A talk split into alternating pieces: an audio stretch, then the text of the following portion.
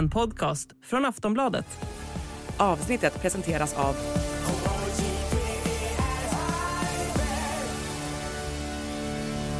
Stödlinjen.se, åldersgräns 18 år.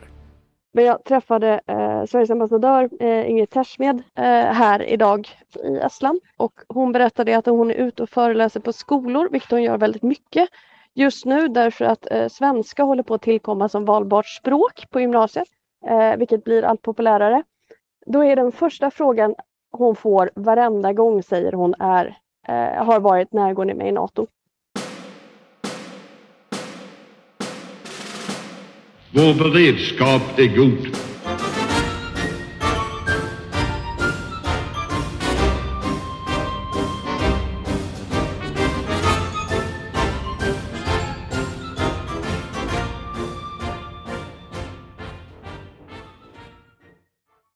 Hej och välkommen till Höjd beredskap, en podd från Aftonbladet Ledare.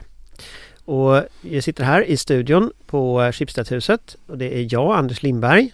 Det är Patrik Oksanen, Tankesmedjan Frivärd. och du är just anländ från Helsingfors kommer jag. Helsingfors. Och Johan, Eh, Victorin, VD Entil, och du är just anländ från kund. kund. Okej. Och Amanda, du är Wollstad, Svensk Tidskrift, sitter på Lennart Meri-flygplatsen i Tallinn på väg hem. Ja, och jag kommer från lunchrestaurang. Så att, eh, vi kommer alla från spännande ställen. Eh, och vi har en spännande vecka bakom oss eh, med ett beslut i det ungerska parlamentet om att godkänna ett NATO-medlemskap. Och sen naturligtvis en fördröjning och sen ytterligare en fördröjning och nu vet vi inte riktigt när vi ska få gå med. Men det är ganska snart i alla fall. Så att om man då börjar där att vi ganska snart ska få gå med i NATO. Eh, vi börjar med Johan, den eviga positiva personen i sammanhanget. Hur känns det idag? Du hade ju nästan fel där att vi skulle gå med den här veckan under ett, några timmar. Ja, nej, men det känns väldigt bra. Det var ju bra att det här beskedet kom och jag tycker att det är tydligt att eh, USA har tagit ett steg framåt eh, i det här avseendet. Ehm, den här delegationen som kom från den lilla delegationen från senaten som då inte träffade den ungerska regeringen för det hade ju varit att genera dem ordentligt. Har nog eh, rätt ut besticken lite grann för, för den ungerska ledningen. Det är min bedömning. där. Vi- Vilka bestick då tänker du? Nej men alltså det,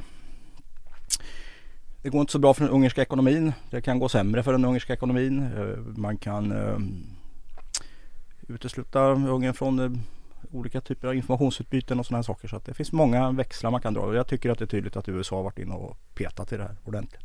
Mm. Patrik?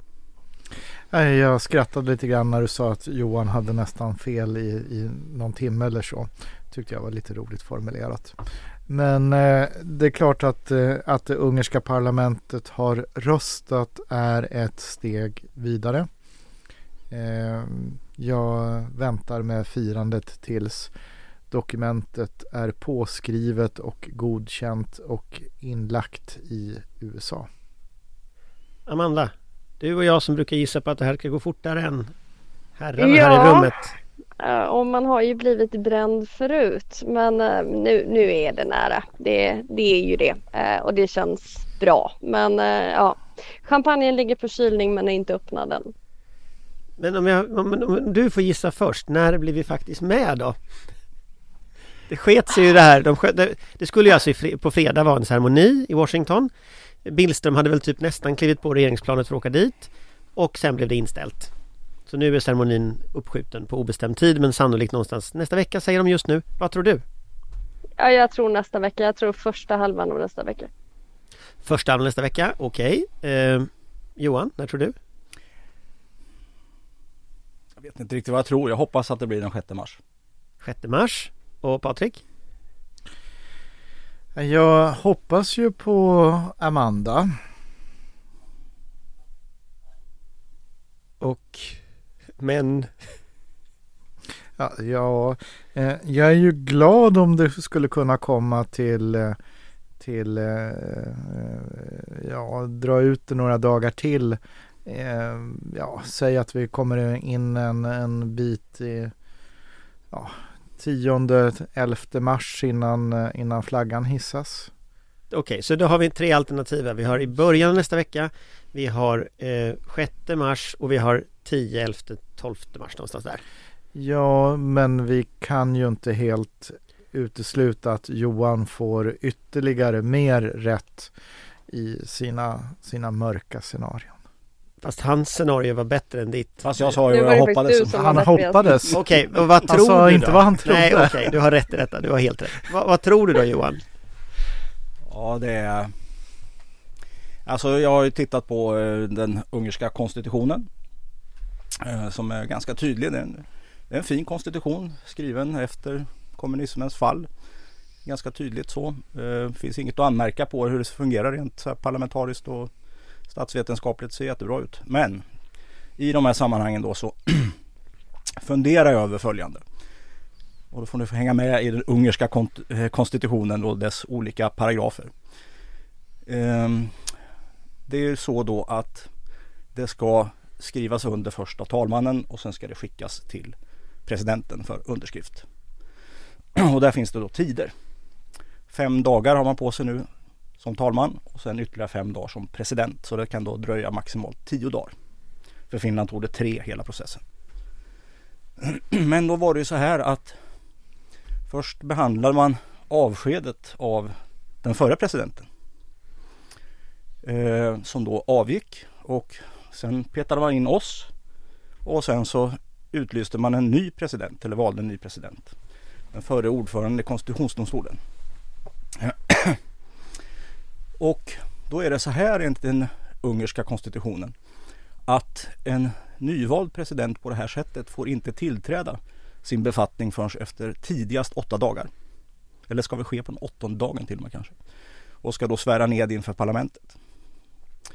Och då innebär det att då är det en ny talman som skriver på eftersom i dagsläget finns det då en interimpresident som är den förre talmannen.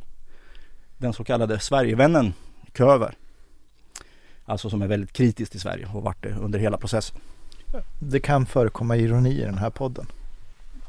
Och eh, eh, då innebär det att han har då varit talman och ska nu skriva på någonting som han själv skulle ha expedierat. Och det innebär att det finns en teoretisk möjlighet, en teoretisk möjlighet att han kan skicka det här till konstitutionsdomstolen och säga jag vet inte om jag är behörig att skriva på det här. Det skulle kunna inträffa. Om nu det här scenariot slår in så när betyder det att de har rätt ut den konstitutionella situationen om vem som skriver på vad? Då, skulle det, då har konstitutionsdomstolen i detta fallet 30 dagar på sig att behandla den frågan. Sen måste det ju då återförvisas till en ny påskrift. Alltså som diktatur betraktat så låter det rätt misslyckat. Alltså Orban har ju sagt att det ska godkännas. Så det är klart han bestämmer om det där händer. Nu Absolut, men han kan också Han- på sig. han kan, han kan hänvisa att han har gjort sitt jobb.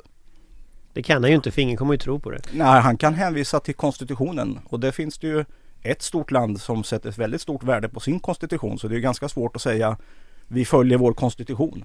Men vi kommer inte tro på det. Nej, Nej, men, det finns ingen som kommer tro på det men nej, det är en helt annan fråga. men här får han ju då ett briljant argument för att han kan inte säga att han kan ju säga så här, ja men det är klart att vi måste följa konstitutionen. Vi är ju ett land som följer lagar och regler. Hur skulle det se ut om det var på något annat sätt? Ja, jag tror att det blir den 6 mars. Det är min gissning. Jag har ingen som helst grund för den här gissning. eh, Men jag, Men det känns bra. men jag tycker det känns bra och jag tänker att då har det gått eh, tio dagar är det väl efter beslutet. Eh, så då tänker jag att ungefär då tänker jag är lagom tidpunkt när det kommer att ske. Eh, så att, så att, eh, och det passar liksom också in på något sätt i den här stilen de har att liksom fördröja, jävlas och så sen släppa till. Och då skulle mitten av nästa vecka bli liksom ganska lagom. Så, så att, men, Men det är mer en politisk känsla. sjätte? Vad säger du? Vi spelar väl in den sjätte? Ja, det tror jag. Vi har får se då. Ja, jag, jag har antecknat allting jag sagt här så att allting kommer jag komma ihåg som alla gissningar här. Vi har antecknat allt du har sagt Anders. Ja, tyvärr finns ju allt också inspelat. Det är också tyvärr inspelat någonstans. Men- Okej, men hörni, då... Det, det, ja. det finns ju en aspekt i det här och det är ju då att vi har ju i hela den här processen i, ja, i alla fall senaste året varit väldigt präglade av att vi har blandat ihop vad vi hoppas och tycker är rimligt och vad vi önskar med vad som faktiskt händer. Så att eh, jag, jag, tror bara så här generellt så är det bra för ens egen mentala hälsa att man eh, tar det lite kallt tills eh, det verkligen är klart. Men om man tänker då, om man tänker då att, att det, det, blir nästa vecka eller det blir om en månad. Det är väl de två scenarierna vi såg här. Liksom så. Ja, alltså, och här är ju att hålla ögonen på vad händer den närmsta tiden i Ungern. Kommer det signaler om att det blir den här gulaschsoppan av det hela eh, eller inte? Och blir det en gulaschsoppa av det då, då, då är ju 30 dagar en, en ja, Sen kanske de ska fundera så det är mer än 30 dagar. Hur gör vi då? Ja, eh, det kan ju ta upp mot två månader till då. Men, men om man tänker liksom, eh, teoretiskt sett, och vi tänker att det ändå händer nu under våren. det händer inte i höst liksom, med de här scenarierna. Utan det händer under våren. Vad är det som kommer att hända sen? Om vi tittar liksom på det politiska nu. Alltså, för, för nu, vi har ju hela tiden sagt det att liksom NATO-medlemskapet är ju inte slutet utan det är ju början på en ny process. Liksom.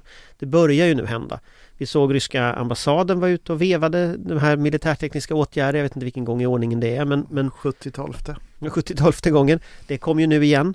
Alltså vad kommer vi mer att se för liksom rörelser här i, i, i landskapet? Kan vi börja med Johan? Ja, alltså... Flaggan hissas, ja. men vad händer liksom förutom flaggan? Det blir ju ett stort jobb för svenska myndigheter. Eh, och det blir ett stor omställning, en stor utbildningskampanj måste ju dra ut. Det är ju liksom Sverige som går med i NATO. Det är ju inte, det är inte Försvarsmakten som, eh, som vi har konstaterat tidigare. Utan det kommer ske förstås. Eh, på den antagonistiska sidan så kommer man ju sura över detta och eh, försöka göra olika typer av nålstick och styrkedemonstrationer kanske också. Eh, för att vi ska känna oss mer osäkra framförallt kanske den första tiden. Och sen, men menar, Ryssland är ju upptaget med att försöka avgöra Ukraina. Det är det man håller på med. Så att det är där fokus ligger just nu. Men om man tänker sig liksom vad Ryssland, förutom skicka arga meddelanden på telegram, alltså vad, vad skulle du säga, vad, vad kommer, när man pratar om militärtekniska åtgärder, vad, vad, pratar man om så att säga? Som man inte redan har antingen aviserat eller gjort? Man kan ju flytta fram olika robotsystem, man kan bedriva intensiv övningsverksamhet. Eh, den typen av saker. Det går inte att utesluta att man genomför, försöker genomföra något form av sabotage. Eh, att man via ombud försöker göra, och det, det gäller ju även sabotage i så fall. Eh, cyberattacker. Spränger en malmbana eller två? Ja, oklart, men någonting sånt. Okej. Okay. Mm. Patrik? Du kan ju se kärnvapenövningar till exempel. Ehm, och så vidare och så vidare. Det, och det är ju det som vi ska komma ihåg att den ryska verktygslådan har ju en bredd där egentligen det som är begränsande är ju kreativiteten om man tycker att man har resurserna och tiden eh, och är villig att, att hantera risken. Så, eh, och det, det gör att det är väldigt svårt att spekulera om exakt vad, vad kommer att kunna hända. Men ibland ska vi också komma ihåg att en inställd spelning är också en spelning i det här psykologiska spelet. Mm.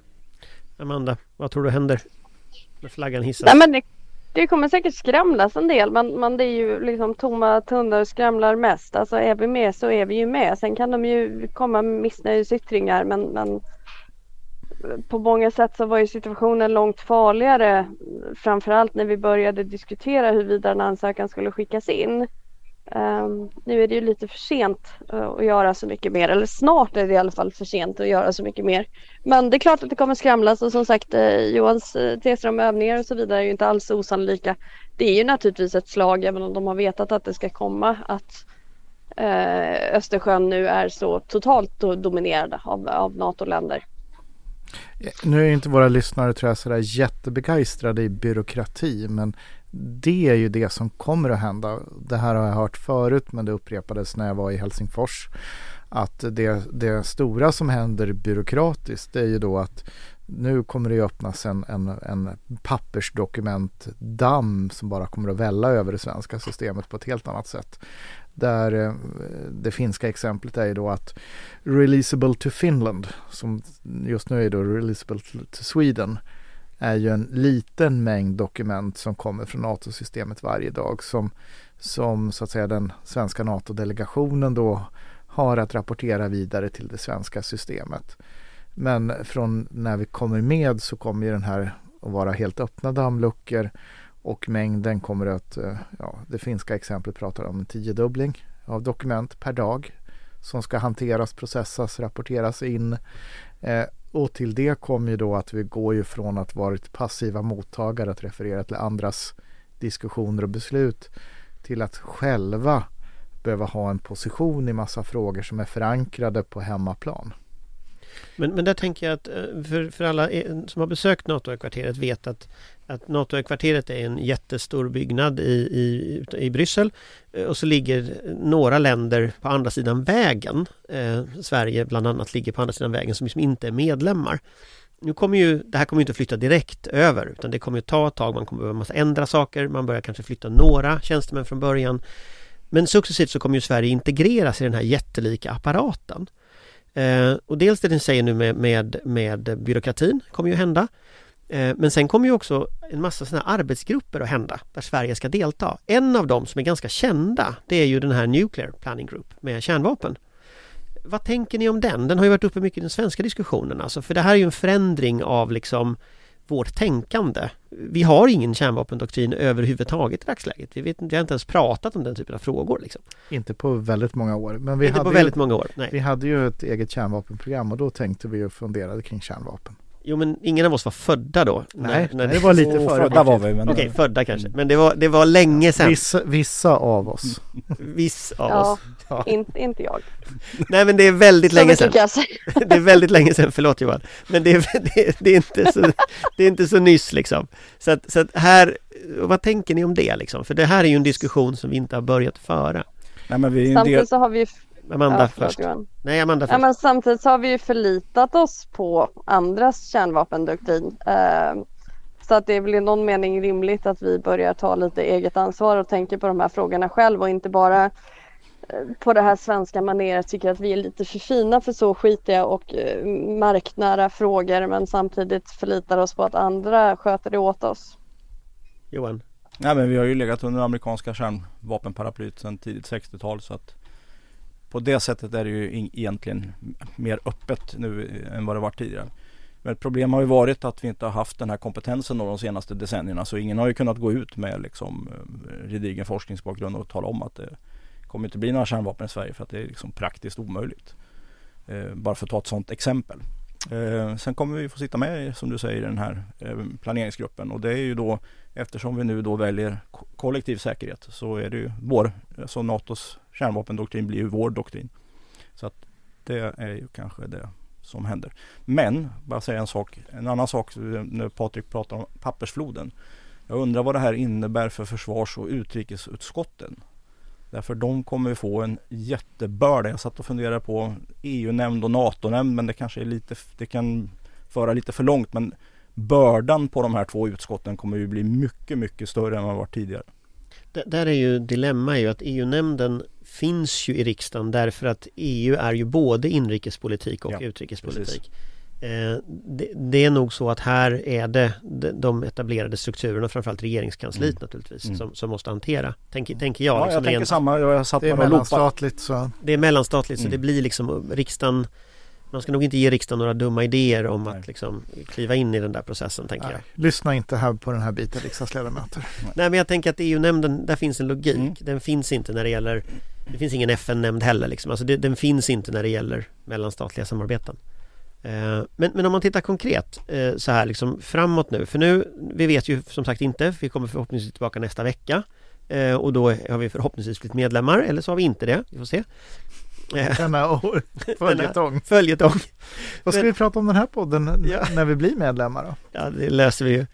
Vi började väl bråka i podden om medlemskap en gång i tiden så att vi hittar nya ämnen. Verkligheten har en tendens att ge dem. Men om man tänker liksom nästa steg efter detta.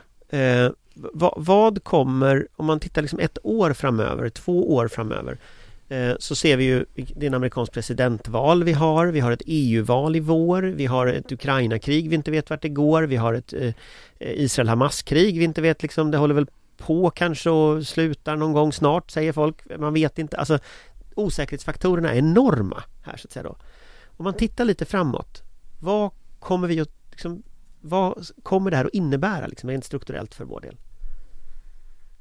Vad kommer nu?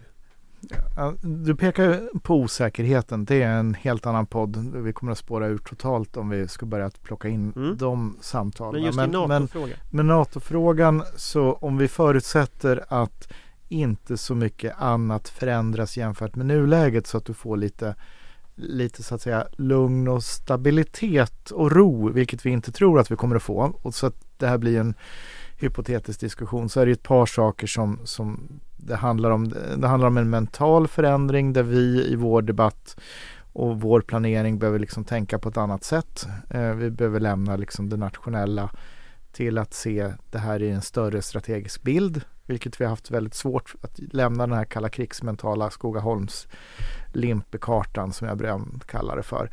Eh, så det är en bit eh, som kommer att, att, att dyka upp i, i debatten. Sen har vi den praktiska saken. Det är 200 officerare omkring eh, som ska ut i NATO-staben. Det är en situation när vi bygger upp försvaret. Vi har en, en personalkrishanteringsläge av större nivå eh, om vi ska klara av det här, vilket eh, vi har pratat om många gånger i podden. Så att det är många av de här bitarna som Ja, för alla de problemen finns ju kvar.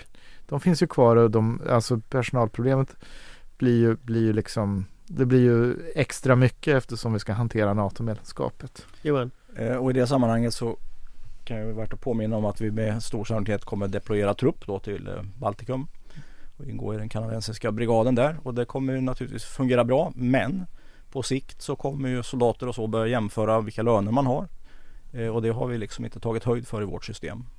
Nej, och då, då är ju villkoren då för utlandsdeployering. Och där börjar vi om jag har förstått det rätt med att vi delar en rotering på en bataljon med Danmark. Men över tid så, så ser jag att vi måste ha en egen bataljon där och eh, tänka krigsorganisation med en, en brigadstorlek med, med förbaserad materiel så att vi kan flyga över personal. Det ökar ju liksom ytterligare trycket på, på personalfrågan. Och sen så kommer det bli stor eh, början stor omställning eventuellt av strukturen för eh, svenska försvarsmakten när det gäller innehåll eh, och, geografier, olika landsändar. Baltikum nämnde vi nyss. Norra Sverige kommer bli viktigare Ja, Norra Finland? och norra Finland, ja absolut. Eh, och där blir det ju liksom ett eh, Eller Nordkalotten. Nordkalotten ska vi säga för att det, vi sitter ju ihop med Norge och Finland där. Eh, och det är klart att det vi, vi kommer att behöva ha mer armékapacitet uppe i norr. Och, men sen har vi också ett expeditionärt perspektiv med liksom eh, behov av sjöfartsskydd runt omkring i världen. Vi har ju hela Arktis och så vidare och så vidare. Amanda? Detta ska vi klara med ett försvar som insatschefen eh, Mikael Claesson kallade för bonsai-försvar. Eh, hur ska vi lösa det? Ja men så är det, det, det gör vi inte. Det, det kommer, jag tror att eh, de flesta, även insatta bedömare, gravt underskattar vilken otrolig omställning detta kommer bli för Försvarsmakten. Trots att vi ju ändå är liksom så nära vi har kunnat vara utan att vara medlemmar. Och vilka krav det kommer ställa. Så det kommer behöva satsas rejält och inte minst som sagt personalfrågan och villkor och sånt. Det kommer inte gå att bemanna de här staberna eller de här tjänsterna med de villkoren vi har idag för de är helt enkelt för dåliga. Eh, Officersförbundet har ju haft en följetong om detta eh, det senaste året och eh, det, det, det kommer behöva få till drastiska förändringar. Och det är i ärlighetens namn fler delar av, av eh, den statliga apparaten som behöver, eh, man skulle egentligen behöva se ut utlandsavtalen överhuvudtaget och se till att detta samordnas och blir mer rättvist mellan myndigheterna för idag är det ganska mycket vilda västern. Men jag skulle vilja, vilja liksom gå in på en lite annan ton av det här för vi blir ju lite cyniska och vi fastnar i vilka dagar som vilka papper skrivits på och liksom alla problem som men jag träffade eh, Sveriges ambassadör eh, Ingrid Tersmed eh, här idag och hon berättade att hon är ute och föreläser på skolor, vilket hon gör väldigt mycket just nu därför att eh, svenska håller på att tillkomma som valbart språk på gymnasiet i Estland, eh, vilket blir allt populärare. Då är den första frågan hon får varenda gång säger hon är eh, har varit när går ni med i NATO? Eh, och hon berättade också om när man kallade in parlamentet här, när vi skickade in vår ansökan så kallade man in alla från semestern för man ville godkänna detta så snart som möjligt. Man har väntat på detta i åratal. Och hur eh, i princip varenda ledamot skulle upp och tala om hur fantastiskt detta var i talarstolen. Och så fick man syn på den svenska och den finska ambassadören uppe på läktaren. Och så började man initialt eh, adressera dem väldigt formellt och sådär. Men ju liksom längre debatten den här gick så satt man och liksom ropade deras förnamn eh, och liksom hur glad man var och hur fantastiskt detta var. Och när man väl har röstat igenom det här så ställer sig hela parlamentet upp och applåderar mot åhörarläktaren där ambassadörerna sitter. Vad oerhört mycket det här betyder för vårt närområde och för det utökade samarbetet Norden-Baltikum vilken otroligt steg det här egentligen är och vilka möjligheter det öppnar upp för säkerheten och samarbetet i vårt närområde. Och kanske också att vi får en normaliserad relation till Baltikum som vi inte riktigt har förmått ta till oss och inse liksom, vilka möjligheter som finns i det samarbetet, inte bara på försvarsområdet. Så att det är ju ändå någonting oerhört det som håller på att ske. Och det är den aspekten ska vi inte glömma. Jag ska också lägga till några ögonblicksbilder från Helsingfors i det här avseendet. Hälsingen Sanomat körde ju äntligen på första sidan med en teckning när, när Orban och Erdogan till sist rullar ut den röda mattan för Svea som går för att eh, komma fram till, till Finland. Nu är Finlands medlemskap fullbordat. Eh, det är ju liksom den finska reaktionen och det, det säger ju alla där. Eh, och bara för att ge en illustration av liksom den folkliga reaktionen. Jag gjorde ett besök på Svenska Teatern eh, och de höll på att repetera på scen och lite sådär och höll på och, och teaterdirektören eh, visade oss runt i salen och då, då ropade de eh, från, från scenen då ja, Välkommen till NATO. Ja, nej men det är spännande. Eh, nu är det Amanda sitter på en flygplats och ska flyga iväg från Estland. Ja, eh, det ska så, jag. Så vi tackar dig för, ett, för podden idag. Och sen ska vi gå över till nästa avsnitt i podden, eller nästa del. Eh, för en av de delarna som det här handlar om för svensk del, det är ju det psykologiska försvaret. Eh, och jag träffade igår träffade jag Andrea Libman från Myndigheten för psykologiskt försvar för att prata lite om hur man ser på detta från myndighetens sida och lite hur det psykologiska försvaret kan utvecklas.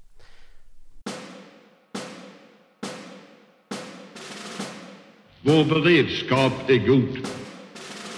Då är det jag och Anders Lindberg och med mig har jag Andrea Libman från Myndigheten för psykologiskt försvar. Välkommen! Tack ska du ha! Och du är senioranalytiker på myndigheten. Vad betyder det? Ja, det betyder att jag har några år bakom mig här. Jag har jobbat med de frågor som jag jobbar med på myndigheten eh, sedan några år tillbaka. Så att jag, har, jag har erfarenhet kanske mer än en junioranalytiker. Men du, du kommer ju från myndigheten nu men du har ju tidigare jobbat på, på, på MSB. Mm, det eh, stämmer. Precis, och en rad andra myndigheter. Ja, alltså jag jobbade för Utrikespolitiska institutet innan dess. Det är ju en ideell organisation, men väldigt kopplat till just utrikespolitik och, och de frågor. Det är ett forskningsinstitut, UI.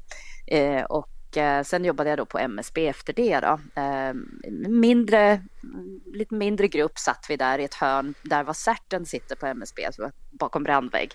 Och vi, eh, vår fokus då var ju då skydd mot informationspåverkan. Eh, och nu, eh, snabbspola några år senare, 1 januari 2022, så öppnades Myndigheten för psykologiskt försvar.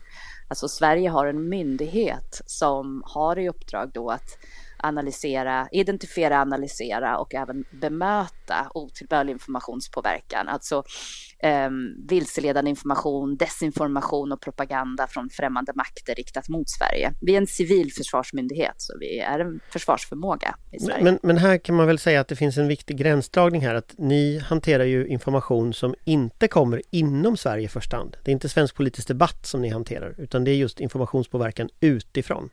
Det stämmer, inte i Sverige. Vi eh, tittar inte i vår inhemska miljö, om man säger så. Det är inte aktörsspecifikt. Vad vi, vad vi följer i Sverige, om man nu ska um, vara konkret, så tittar vi på sårbarheter kopplat till då vad um, främmande makter skulle kunna utnyttja och fokusera på.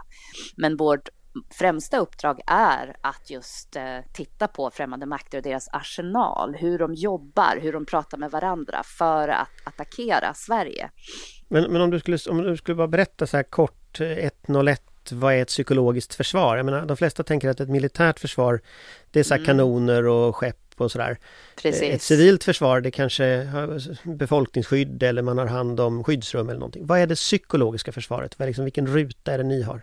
Mm. Psykologiska försvaret, det ska man kunna börja med att säga att det är inte myndigheten för psykologiskt försvar. Vi är inte det psykologiska försvaret, utan vi, eh, vi har vårt uppdrag och vi har också som, i, i, i, vårt uppdrag eh, eh har vi då också det här med att stödja aktörer i Sverige. Det psykologiska försvaret, det är vår befolkning. Det är alla. Det är alla vi tillsammans. Det är du, det är jag. Och vad det betyder är att vi ska ha en motståndskraft mot Ehm, desinformation som är riktat mot oss från utlandet. Och desinformationen kan man ju säga, syftet med informationspåverkan, det är ju att förvilla och försvaga och splittra en motståndare. Och det gör man ju ofta genom att man riktar in sig på sårbarheten, men även vår befolkning också inifrån. Så man liksom börjar, man börjar försöka splittra vårt land på olika sätt. Eh, och, och, och genom då att göra det här så främjar man sin egen politik internationellt eller nationellt eller det kan vara politiskt syfte eller ekonomiskt eller militärt. Och det betyder att vår befolkning i stort måste vara motståndskraftig. Vi ska ha en ökad förmåga att förstå då liksom att desinformation är riktat mot oss och att vi ser upp lite mer och det är det här som vi i vår kampanj Bli inte lurad har lanserat. Jag kan tänka att vi kanske kommer prata lite om det här, men det är det som vi pratar om i kampanjen.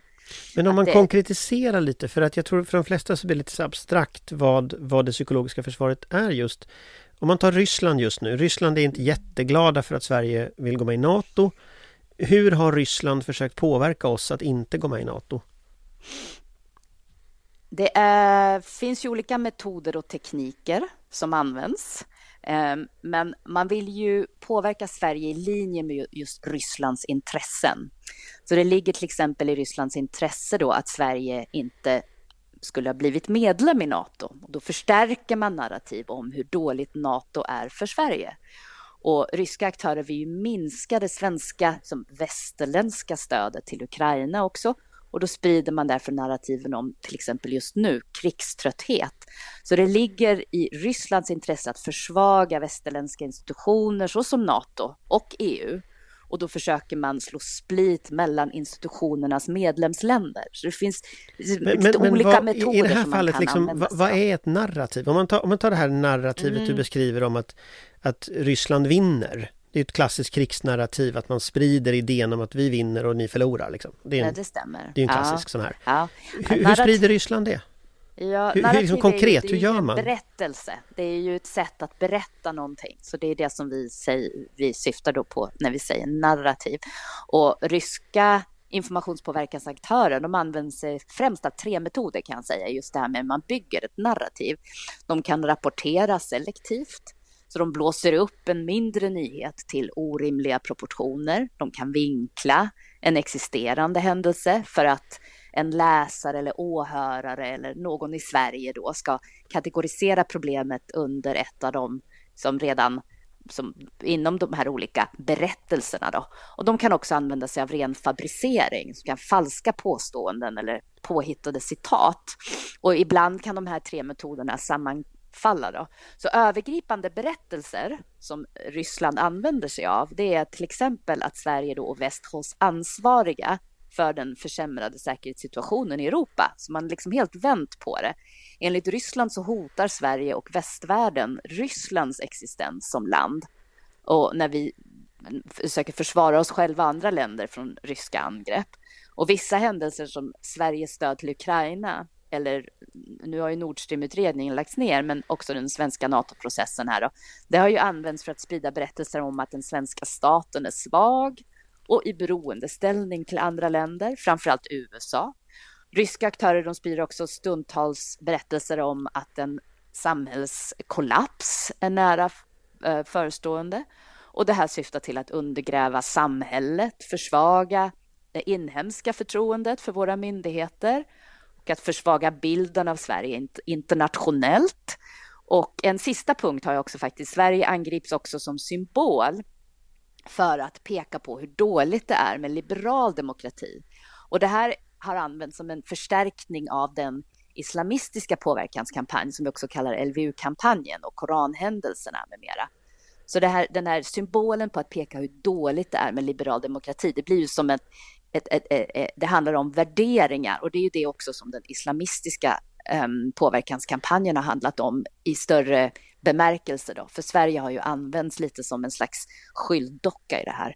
Men då förstår man kanske de här berättelserna. Men, men liksom konkret, om man, om man ska bygga en berättelse om det där du säger nu, att liberal mm. demokrati är dåligt och, och Ryssland är starka.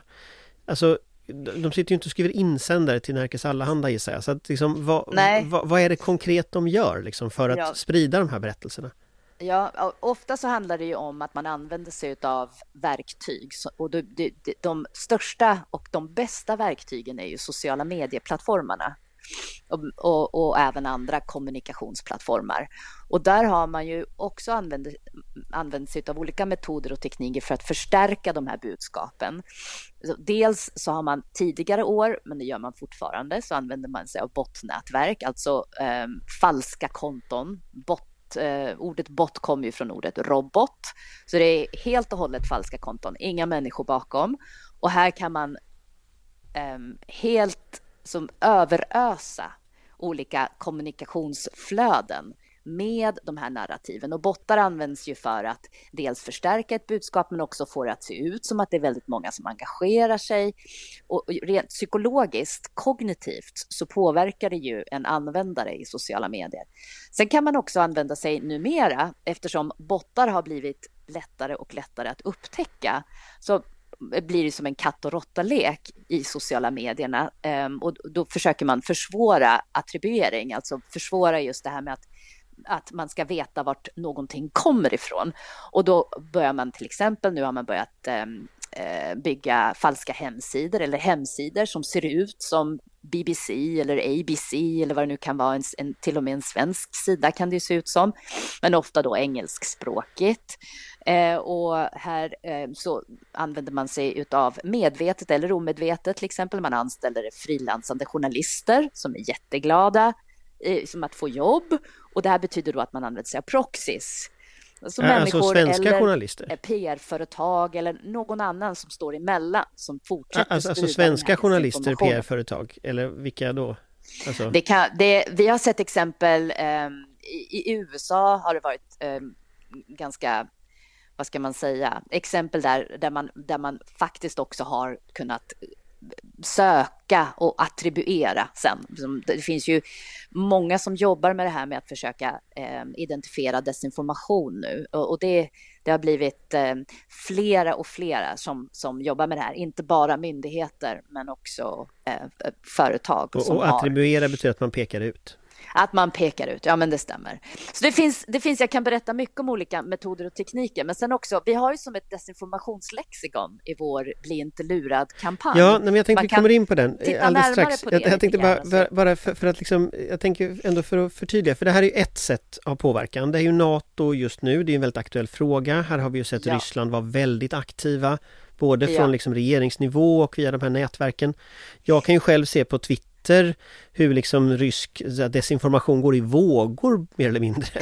liksom, att det ökar och minskar och de här narrativen du berättade om nu, alltså med att, att Ryssland vinner och Ukraina är svagt och de här, de kommer liksom i vågor, de där. Mm, det stämmer. Krigströtthet är ju stort nu som jag nämnde. Ja, det är exakt. den som man liksom trycker på för man vet att det är en sårbarhet just nu. Och det, ja, och det var e bensin, vet du, energipriser tidigare och sådär som man har liksom använt. Stämmer. Men om man, om man, om man tar liksom eh, LVU-kampanjen, för det är väl den andra stora exemplet här. Mm. Kan du liksom berätta annat, för, kan du berätta liksom vad det är? Vad är LVU-kampanjen? Ja, ja, precis. Jag kan börja med att liksom gå tillbaks lite från, nu har vi ju följt eh, ideologiskt motiverade aktörer som vi kallar det för då, eh, ett tag tillbaka. Eh, men just 2022 i början där så beskylldes svenska myndigheter för systematisk kidnappning av muslimska barn som i själva verket hade omhändertagits via LVU-lagen, ett rättsligt förfarande till skydd för barn. Ja, för att barnen får illa. Ja, ja i, i, sin hemmiljö.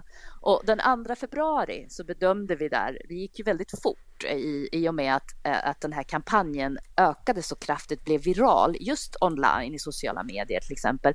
Där bedömde vi att det rörde sig om en koordinerad och det är viktigt. Eh, för att det ska vara en påverkanskampanj så, så krävs det att, att den är koordinerad och det är en informationspåverkanskampanj mot svenska myndigheter men också mot svensk lagstiftning.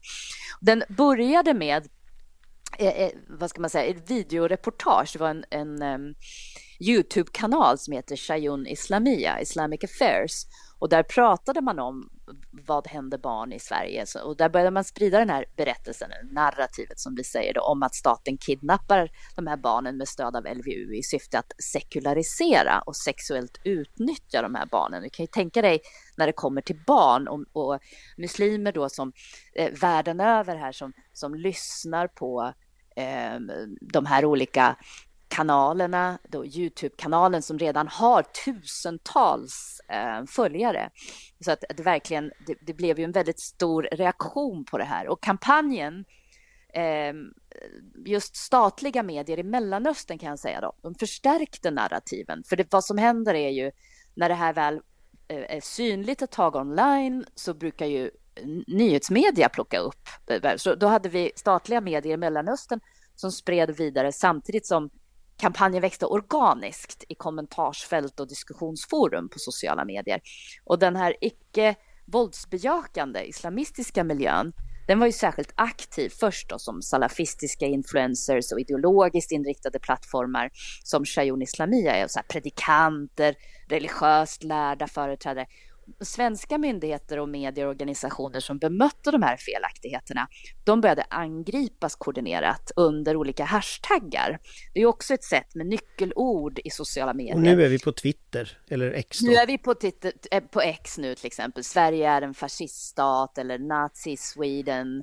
Det fanns olika hashtaggar där alla började samlas nu liksom i de här, i, i det här som försökte då som sporra, men också svenska myndigheter och medieorganisationer de blev ju då angripna väldigt hårt och det gick ju så hårt åt att eh, tjänstemän då i Sverige började känna att nej men det här känns inte bra. Det började liksom gå och, och då, då, de här teknikerna omfattade till exempel felaktigheter, negativt urval, vinkling, vilseledning, selektivt urval i kombination med någon så här onyanserad eller snedvriden rapportering och majoriteten av informationen sändes på arabiska men även engelska, turkiska, franska och persiska användes. Så de här övergripande berättelserna och aktörerna, så här, de använde sig av Sverige som att det är Sverige som bedrivit krig mot islam och att Sverige är islamfientligt, islamofobiskt och budskapen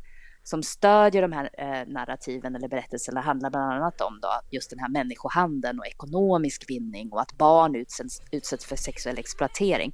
Så du hör ju här bara bygget av det här är ju... Men, men, men jag, jag, tänker på, alltså det hände ju massa saker under den här perioden. Som koranbränningarna till exempel. Hur påverkade ja, de här liksom? Precis, för kampanjen som började här pågick under hela 2022.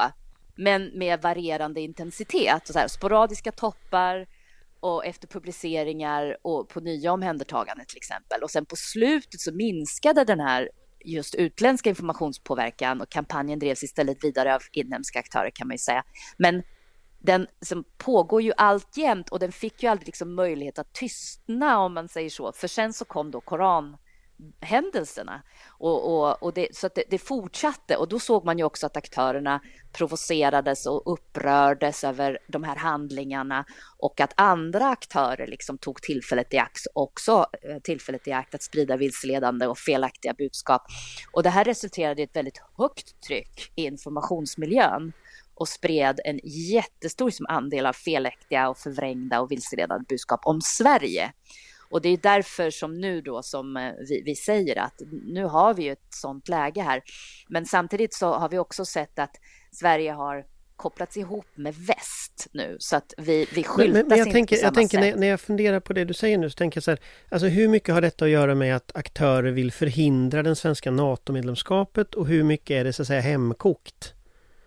Ja, det, det, är svårt att säga faktiskt just till exempel den här kampanjen det finns fler, många som har frågat också varför, varför just Sverige? Det är svårt att svara på det. Varför just Sverige, varför just nu? Ja, tänker man ju ja, en, ja, två frågor. Ja, precis. Men ofta handlar det ju om just värderingsfrågor. I det här fallet då, som eh, med LVU-kampanjen och koranbränningarna och det här som vi såg. Det är sekulära demokratiska principer som ställs mot religiösa och kulturella. Så det är ju faktiskt ganska så här, möjligtvis inte direkt kopplat till NATO. Till skillnad från Ryssland då, som givetvis har ju invaderat Ukraina, ett annat land. Och, och här Nej, men jag tänker på, jag tänker på att en av koranbränningarna var ju framför turkiska ambassaden till exempel. Mm. Det låter inte spontant som en slump. Uh, ja, nej, det gör det väl inte.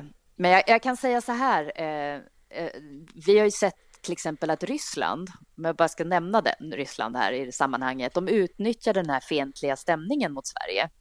Och sen har de aktivt underblåst de här vilseledande berättelserna i sina kanaler, även på arabiska. Så Kreml... Har Ryssland underblåst det på arabiska? Yes, precis. Och de försökte då lyfta fram Ryssland som en vän och försvarare av islam och traditionella värderingar. Sannolikt i syfte att störa den svenska NATO-ansökan, kan man ju tycka där.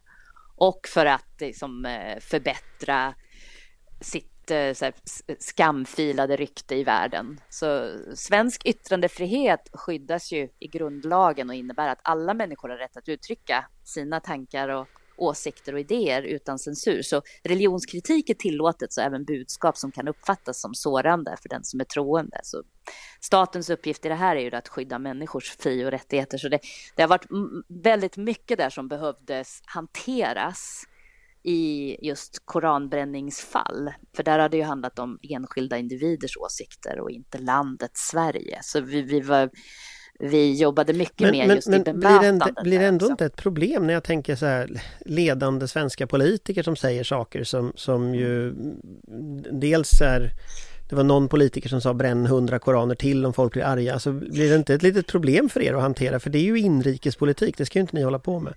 Nej, och det gör vi ju inte heller, utan vi värnar ju det öppna här, demokratiska samhället. Det står på vår hemsida som, som, som fria åsiktsbildning och, och det gör vi det är vårt uppdrag. Så att i, i Sverige så får man ju uttala sig. Eh, så är det faktiskt. Men jag tänker, blir det eh. inte ett litet problem? För det, där, det måste ju ändå... Det, det påverkar ju bilden, tänker jag att liksom aktörer i Sverige, statsministern var ju jättetydlig med att nu skulle alla ta ett ansvar och sen så ja, kan man ju diskutera ja. om alla gjorde det. Men, men liksom... Ja, men precis. Så det, det utmanar ju, men det är inte, det är inte eh, statens roll att, eh, att eh, fokusera på det. Vår roll är att försvara Sverige från vad som kommer utifrån och som kan utnyttja eh, våra sårbarheter. Så att jag, men, men nu har ni lanserat en kampanj för detta och det var väl egentligen den som, mm. som, som lite det här kan landa i. Eh, bli inte lurad. Eh, jag har en hemsida som heter Bli inte lurad. Kan du berätta lite om den? För det här är väl också ja. en del av det psykologiska försvaret just? Ja, men precis. Och, och, poängen med kampanjen är ju att lära sig knep då, för att känna, eller tips som vi säger, så att känna igen desinformation och vilseledande information och propaganda. Och, det, och veta det här då om att det finns främmande makter som använder just desinformation för att skada Sverige. Så våra tips och, och knep, de, de, de handlar om att öka sin egna då, varje persons och, och, Sveriges motståndskraft genom de här uppmaningarna som vi har. Ja, och, och, vi säger också att eh, varje människa är en del av Sveriges psykologiska försvar. Så för att känna igen och hantera desinformation och då blir det ju, om man gör det, då blir det svårare för främmande makter att skapa den här splittringen som jag pratade om. Och det skyddar ju Sverige och svenska intressen. Så se upp är nummer ett, att vara vaksam på information, bilder, nu med AI-utvecklingen och annat som upprör och skrämmer och skapar starka känslor. Det är vanligt att främmande makt arbetar för att påverka och det gör man just genom att spela på känslor. Och sen också då tänk efter, undvik att bli en del i spridningen för det är ju det som främmande makter vill och man, ska, man vill att man ska ställas mot varandra och uppleva att Sverige är ett dåligt land att leva i. Så om man känner så här, ja men det här tilltalar ju mig faktiskt, ja men då kanske man är en målgrupp. Så ett polariserat Sverige är mer sårbart, så är det.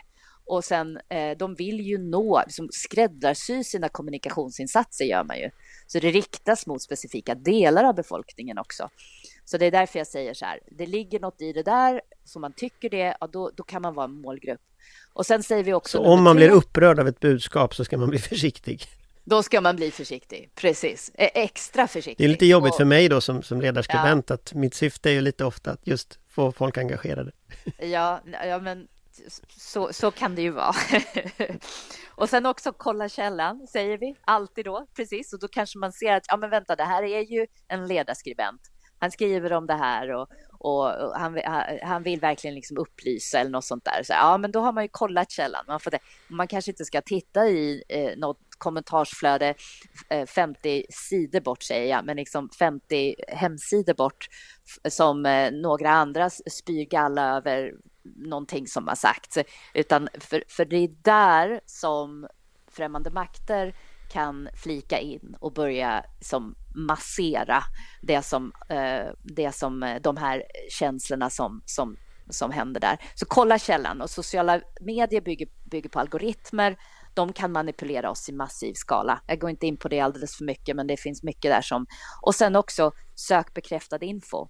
Så man lyssnar på myndigheternas information och håll, man ska hålla sig uppdaterad. Klicka på länkar, läs mer innan man delar vidare. Då blir man inte en del av den här desinformationen som spelar i händerna på främmande makter. Så det är det som kampanjen handlar om. Så de här knepen och sen också finns ju, det finns ju de här begreppen då som jag berättade om tidigare, ett desinformationslexikon som kan vara bra att känna till. Lite roligt, det finns liksom, man kan titta närmare på vad bottar egentligen betyder. Det finns eh, Eh, halmgubbe till exempel, strawman, det är också ett sätt att eh, sprida desinformation. Det är liksom att felaktigt påstå att någon har vissa åsikter och argument och sen argumentera emot de här fake-åsikterna istället för att som för de riktiga åsikterna som man skapar som någonting som är fejk. Um, ehm, men jag tänker på om, om ni tittar, för jag tror de, de alltså, hur bra skulle du säga att folk är på att hantera den här typen av informationskällor och information i dagsläget när ni tittar på det? Ja, det är ju en utmaning, verkligen, eftersom desinformationen är dold ofta, så man ser den ju inte. Så det är därför vi pratar om kritiskt tänkande snarare än att man liksom sitter och kanske googlar på desinformation och försöker hitta någon. Det gör ju inte vi heller, utan vi tittar på arsenalen, apparaturen, vi tittar på liksom vad som används, sårbarheterna och då kanske en, en gemene man, en vanlig människa där istället. Ja, men lite kritiskt tänkande, för man, man ser ju inte desinformationen. Det, det är det som är det är det som är utmaningen eh, för, för, för alla. Att, om, om, eh, om, vi kort tittar framåt nu, nu har vi ju ett EU-val här om, ja. om ett par månader. Ja. Eh, den 9 juni så går ju hela Europa till val. Eh, Ryssland har ju allt intresse av att påverka att det här in, stödet till Ukraina inte ska fortsätta. Va, vad kan vi förvänta oss när vi tittar på EU-valet? Ja, det ska jag säga då att eh, Myndigheten då för psykologiskt försvar, vi sitter i valnätverket. Det är Valmyndigheten som har lead på EP-valet. Ehm, så att vi, men, men, men vi bevakar ju givetvis utifrån vårt uppdrag då. Så att, eh, och där kan man ju säga så här, vad är det, den 9 juni är det 2024, så är det ett val i Europaparlamentet. Och just den här, som med bakgrund då kan man säga då det som vi tar med oss är ju att det, vi har ett supervalår. Så 2024, så det, vi, ser, vi kommer att se säkerligen eh, väldigt mycket valpåverkan. Och vi vet att det finns en ökad risk för påverkanskampanjen under ett valår. Det, det är bara så. Um, och, och, från främmande makter. Och sen har vi också sett de senaste åren här ett antal faktorer som kan förstärka valpåverkan och det är ju det försämrade säkerhetsläget som jag nämnt då, på grund av Rysslands krig mot Ukraina, stridigheterna mellan Hamas och Israel också. Och eh, sen har vi ju då haft ett öga på Sveriges anslutningsprocess till NATO. Det verkar ju nu liksom ha gått vidare. Konsekvenserna av just den här islamistiska påverkanskampanjen som vi har pratat om, som genomförs mot Sverige, det har ju bidragit till en försämrad Sverigebild i ett antal länder. Och teknikutvecklingen också, med särskilt fokus på AI, måste jag nämna det. det. Där har vi under den senaste tiden sett exempel på att AI har använts både med röst, bild och video för att sprida vilseledande budskap kopplat till valrörelser och valgenomförande. Och man har ju också sagt, det finns olika rapporter här med liksom riskexperter har ju sagt att AI-genererad desinformation men också missinformation som den allvarligaste globala risken har man, ser man då under de kommande två åren. Och syfte just med vad antagonistiska aktörer vill då med att påverka val, det är just så här, påverka just valresultatet, minska valdeltagande, misskreditera valkandidater, undergräva förtroendet för valprocedur och samhällets funktionalitet. Men, men vad, kommer ni, vad kommer ni att göra om det? Om vi antar att, för det här var en, det känns ju som att bilden är ganska negativ. Om, mm. om, om det här nu händer, alltså framåt maj har vi val och sen så sköljer liksom desinformation över oss. Vad gör mm. ni då? Ja, vi deltar ju dels i, i valnätverket och sen så har vi också EUs uh, eh, Rapid Alert System som det kallas, och där samtliga medlemsländer delar information om just incidenter och förberedelser inför valet.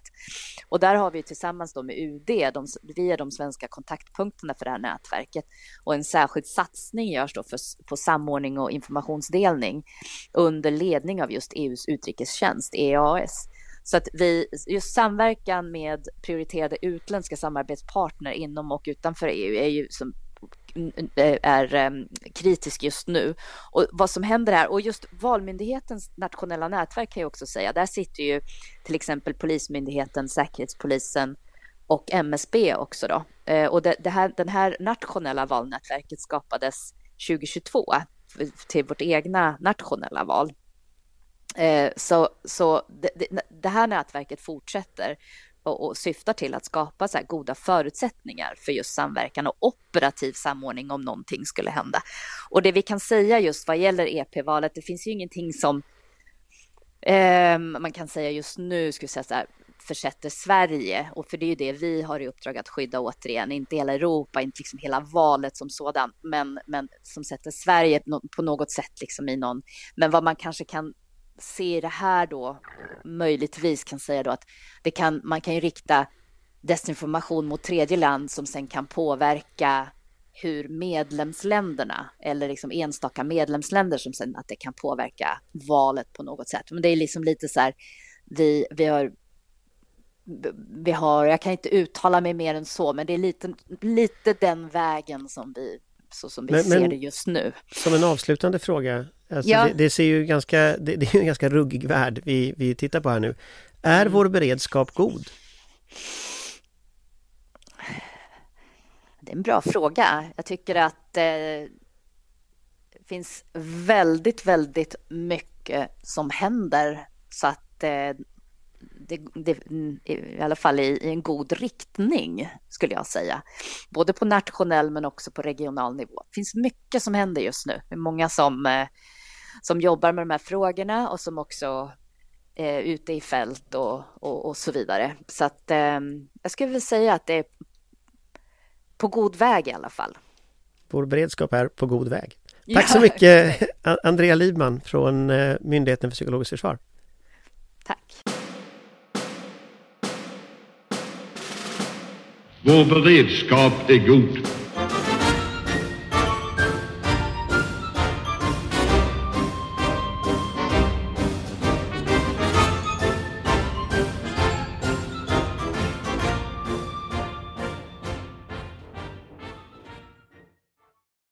Ja, då sitter vi tillbaka här och då är det jag eh, och så är det Patrik och Johan kvar. Och eh, Amanda har flugit iväg från sin flygplats. Så att, så att eh, när ni lyssnar på, på Andrea nu, Lidman från, från Myndigheten för psykologiskt försvar. Vad, vad tänker ni? Patrik eller Johan? Ja, vad tänker jag? tycker att det var en bra representation av MPF tycker jag. Jag tyckte inledningen här när hon säger att att vi är en myndighet för psykologiskt försvar men det är inte samma sak som det psykologiska försvaret. Det tycker jag är en väldigt viktig distinktion som hon gjorde. Vi kan dra parallellen med eh, den förrförre statsministern, förrförre statsministern Reinfeldt med försvaret är ett särintresse. Hade han sagt att Försvarsmakten är ett särintresse då hade han möjligen kommit undan med det. Men nu gav han sig på liksom alla människor som vill försvara landet.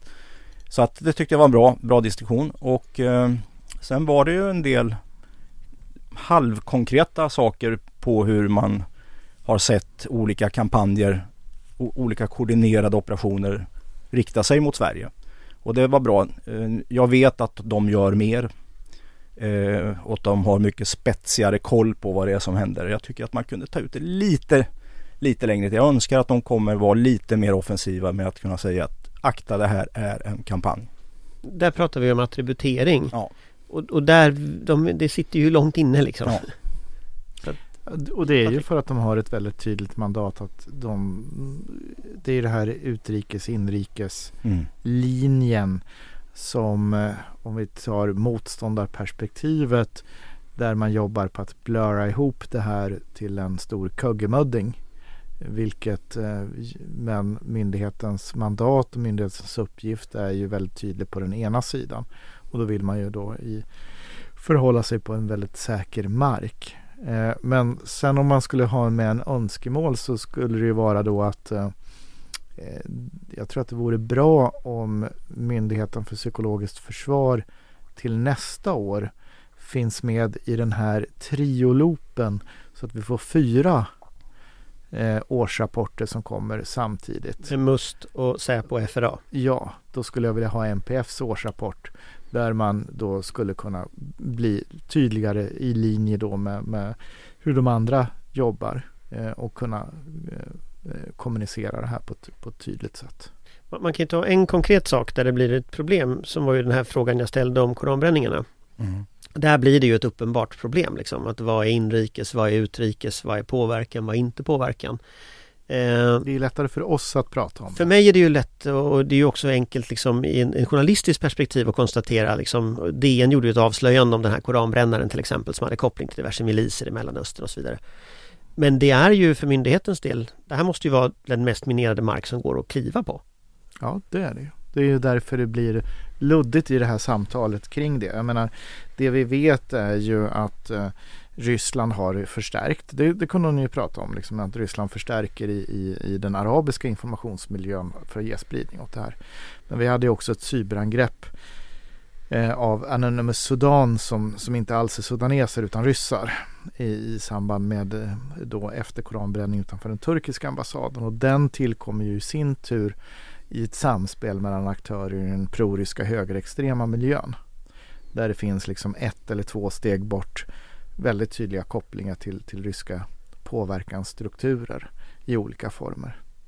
Men om man ställer frågan till er på samma sätt som jag ställer till henne om vår beredskap är god. Alltså hur bra är vi? Johan säger att du vet att man har spetsigare verktyg men liksom hur trygg ska man vara som medborgare att liksom myndigheterna har koll när det gäller den här typen av saker? Jo, men man kan nog vara trygg i det tror jag. Att det, det är upparbetat på en ganska bra nivå nu, i min bedömning i alla fall. Men det blir liksom ett glapp mellan de då som har den här kunskapen och alla den stora massan som uppmanas att vara källkritiska. Och sen får man liksom ingen hjälp med att se igenom de här sakerna. Därför att det finns en del svårigheter med det också men det borde finnas, man borde kunna sträcka ut det där lite längre. Och det är lite grann ett parallellfall till det som jag ibland har varit kritisk mot Säpo. Jag tycker att Säkerhetspolisen har ju varit väldigt tydlig i massa frågor. Men det är ju för att jag och det, Johan kan ju det definitivt eftersom du är infödd på den typen av språk. Kan ju dechiffrera säpokratiskan eller mustiskan eller vad vi nu vill kalla det för. Så att vi, vi förstår vad de menar. Men för en bredare allmänhet eller för en nyhetsjournalist eller så, så blir det för abstrakt. Men om ni ska dechiffrera det som hon säger nu i relation till exempel rysk påverkan kopplat till NATO. Eh, för där, där, finns ju precis det vi diskuterade tidigare när vi pratade om, om själva NATO-processen. Eh, så ser vi ju liksom en väldig rysk aktivitet i sociala medier på olika ställen och så. Hur ska man göra som medborgare? Vi har den här kampanjen som hon pratar om, Bli inte lurad, som är liksom en exempelsida mycket och liksom tips och tricks och sådär. Men hur ska man tänka? Nej, men det jag skojade ju... till exempel om Malmbanan till exempel förut. Det var lite ett elakt skämt liksom. Eh, eh, Malmbanan spårar du mitt i det här liksom. Okej, okay, vad tänker man då? Alltså hur ska man innan man ska inte bli helt knäpp liksom som medborgare heller liksom. Utan man ska, det ska ju vara realistiskt liksom. Ja men det finns några, några enkla egna minnesregler för, för så att säga det, det egna eh, kan kalla för eh, hygienhållning. Eh, det första är drick ett glas vatten innan du delar någonting så du hinner tänka efter. Eh, den andra biten är var försiktig med att dra slutsatser kring saker och ting tills man kan utesluta andra faktorer. Eh, notera att det är en möjlighet men dra inte en för snabb slutsats. Och det här går ju egentligen emot eh, hela det sociala medieekosystemets bärande idé. Det är ju snabba slutsatser och mycket känslor och så vidare. Ja, nej men jag håller med Patrik. Det, I ett vanligt samtal hade det skett vid ett köksbord så hade man ju frågat eh, Tror du att det kan vara de som ligger bakom det här? Men det går liksom inte riktigt att göra det i det sociala medie-ekosystemet för att då, då uppfattas det felaktigt. Det blir så begränsat utrymme så man kan inte vara så tydlig där. För här finns ju ett dilemma i det. För resonemang menar jag. Ja, för här finns ju ett dilemma nu inför EU-valet. När vi vet att äh, Ryssland som aktör kommer att gå in och, och, och agera. Om vi antar att NATO, det går ju inte att anta som vi har sagt förut, men om vi antar att NATO-frågan snart är utredd. Då är ju EU-valet nästa instans när det blir ett slagfält. Och då har jag sett statistik på att liksom de här högerpopulistiska partierna som ju ligger nära en rysk liksom, verklighetsbeskrivning och nära ryska kampanjer de ökar ju i princip överallt runt om i Europa i dagsläget. Så Ryssland ser ju verkligen sin möjlighet här att kliva in i EU-valet. Liksom. Det är klart det är prioriterat från Kreml. Ja det måste ju vara lika som det amerikanska valet. Ja, det blir ju de två så att säga man kan. De, de två valen som eh, Kreml kan avgöra den här eh, konflikten till sin, sin eh, fördel eller i alla fall skaffa sig eh, stora fördelar i. Men vad, vad, skulle ni säga att vi kommer att se inför EU-valet från Kremls sida? Vad, vad, hur kommer man att jobba? Vi har ju sett i amerikanska val tidigare med alla dessa läckor, hackerattacker, alltså vi har ju sett massa saker. Sociala ju, medier, Vi såg ju AI-påverkan i Slovakiens val som banade vägen för att Fico blev, blev vald, pres, prorysk president i, i Slovakien. Eh, det är ju en, en del. Eh, du nämner amerikanska presidentvalet med, med den typen hack and leak eh, som påverkar debatten. Ja men det är ju alla de verktygen. Ja. Men är det AI, är det första AI-valet när ryssarna har det då? Vi... Säkert, men, men um, det var intressant det hon sa också om att de hade informationsutbyte på EU-nivån också. Mm. Ja men det är, ju, det är ju hur EU skyddar mm. sitt val är ju att, att driva den få upp det helikopterperspektivet eh, och dela information. Mm. Och där har ju EU versus Disinfo har ju under, under ett årtionde varit eh, centralt i mm. att bygga en kunskapsbas och en, därigenom en motståndskraft mot rysk påverkan. Eh, och den ligger då under EUs utrikestjänst. En jättebra sajt som jag rekommenderar folk att gå in och, och mm. läsa. Mm. För det är ju det här kunskapsbyggandet som det är det som behövs. Ja, mm. på alla nivåer. Ja, och det är ju det som är vår demokratins eh, egentligen trumfkort. Eh, det gamla klassiska eh, folkbildningen. Och öppenhet skulle jag vilja säga. Det är därför jag återkommer till det här att försöka tänja lite grann på gränserna och avtäcka en motståndare som försöker hålla saker och ting förnekbart. Att det inte är vi som ligger bakom. Att då och då, man kanske inte måste göra det jämt, men då och då visa ett exempel på att titta på den här tråden A, B, C, D. Mm. Och det ställer ju krav på journalistik och civilsamhälle att kunna göra det i en fri och öppen debatt. Eh, och där är ju journalistiken Ibland kan den vara okej okay, men många gånger så är man lite för sent på bollen, lite för, för två, tre steg efter och man hinner åka upp på läktaren innan man lyckas plocka ner bollen på plan. Men jag tänker att så har man ju gjort med LVU-kampanjen. Där har man ju varit tydlig. Alltså, ja, det, det har man det är väl ett exempel på hur sätt. man skulle kunna jobba på fler sätt. Fler Men där är man ju fort, man är inte, då säger man nu då statliga medier som liksom repeterar det här och så vidare. Så här. Men man har liksom inte sagt, det var den här som, som ligger bakom det här. Man har väl pekat ut så bloggare och sådana ja, där, alltså den typen av mm. aktörer. Och det är ju lättare att göra det när de inte finns i Sverige. Finns ja, nej, det, Sverige, det, det, det, så blir det en helt annan, absolut. annan eh, sak. Så då hamnar det utanför myndighetens uppdrag. Och det ska nog göra det också. Nej, men den där gränsdragningen är ju viktig ja, den är ju av en demokratisk orsak och den, den, är, den är ju knepig. Den men den är ju viktig. Knivskarp, absolut. Och det är därför det är viktigt med den, med den fria åsiktsbildningen mm. och fria debatten att andra aktörer kan, kan titta på det här och prata om det och ha kunskap och förståelse för, för det. Mm. Men sen kan man faktiskt eh, även inrikesmässigt i lagstiftningen eh, bli dömd för tagande av utländskt understöd i syfte att försöka påverka. Eh, men då pratar vi liksom brott. Ja, och där har ju svenskt eh, rättsväsende inte utnyttjat de verktyg som finns att prova lagstiftningen. Nej, det blir intressant att se vad, vad som händer nu om konflikten dessutom trappas upp med, kopplat till Ukraina. Så det blir intressant att se vad, vad, vad det där tar vägen någonstans. Men det var väl en jättebra idé som du sa med att eh, Myndigheten för psykologiskt försvar skulle vara med i den här loopen av rapporter. Mm. För det är ju verkligen en dimension i den loopen som har saknats. Och där har vi över tid sett hur man har blivit tydligare och tydligare och tydligare. Om man jämför med för fem år sedan så är det ju mycket bättre idag. Så att det är ju en typ av liksom förändring som där, så där öppen blir mera öppen liksom. Ja, och det ska vi understryka att den trenden ser vi ju från väldigt många europeiska underrättelse och säkerhetstjänster. Eh, där till och med finnarna har blivit tydliga. Ja, och då kan jag berätta att den eh, franska säkerhetstjänsten har nu gått upp till uppmaningar till alla landets myndigheter att komma in även med lågsignalbrus där man tror att främmande makter är inne och petar. Så det är en väldigt spännande kom idag. Mm. Ja, men vi får se. Om, om en vecka så sitter vi väl sannolikt här och firar att eh, det är färdigt med NATO-medlemskap, eller vad tror ni? Eller, nu har Amanda försvunnit så det är bara jag kvar som trodde det, men, men Det var väl lite, du vet ju vad vi tror. Du, Vi du har väl- skrivit ner det på din lapp. jag vet, jag har Behöver du fråga då? Nej, jag bara Nej. försökte provocera. Men eh, vi får tacka för oss idag så ses vi om en vecka. Hej hej! Hej hej!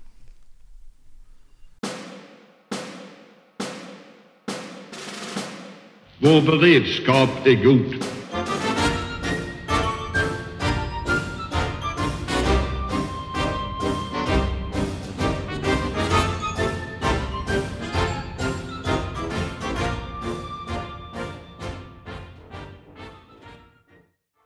Du har lyssnat på en podcast från Aftonbladet. Ansvarig utgivare är Lena K Samuelsson.